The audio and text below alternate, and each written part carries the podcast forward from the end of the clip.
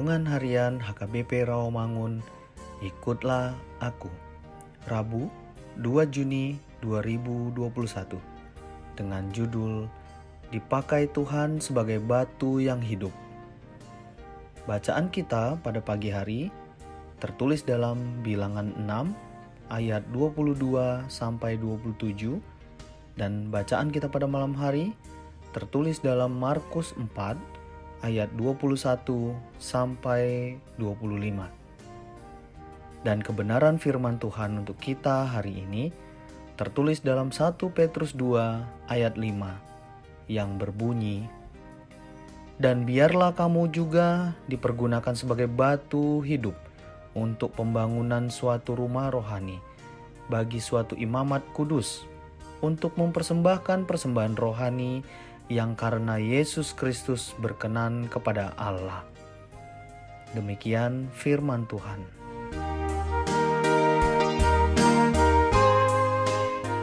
Sesungguhnya tujuan utama kehidupan kita adalah agar kita dapat menjadi saksi Kristus bagi setiap orang.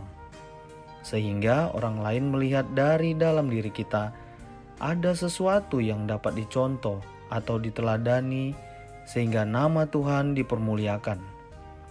Namun, tanpa kita sadari, acap kali kehidupan kita justru menjadi batu sandungan bagi orang lain dan bukan menjadi batu yang hidup.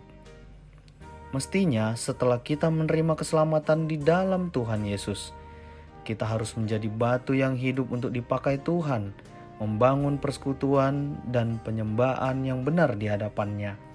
Itulah sebabnya, maka kita harus memperbarui semua perilaku kita, supaya hidup kita menjadi lebih sempurna untuk dipakai Tuhan sebagai batu yang hidup.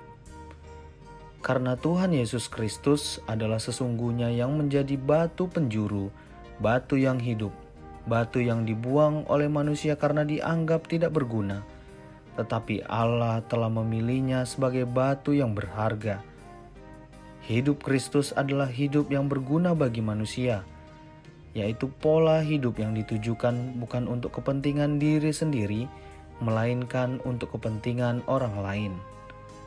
Untuk itu, Kristus memilih dan memanggil kita menjadi batu-batu yang hidup, yaitu hidup tidak hanya untuk diri sendiri, tetapi juga untuk orang lain.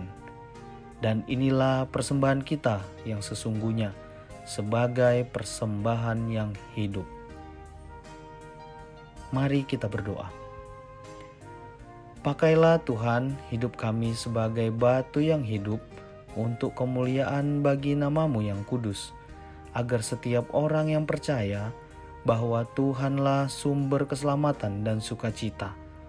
Amin.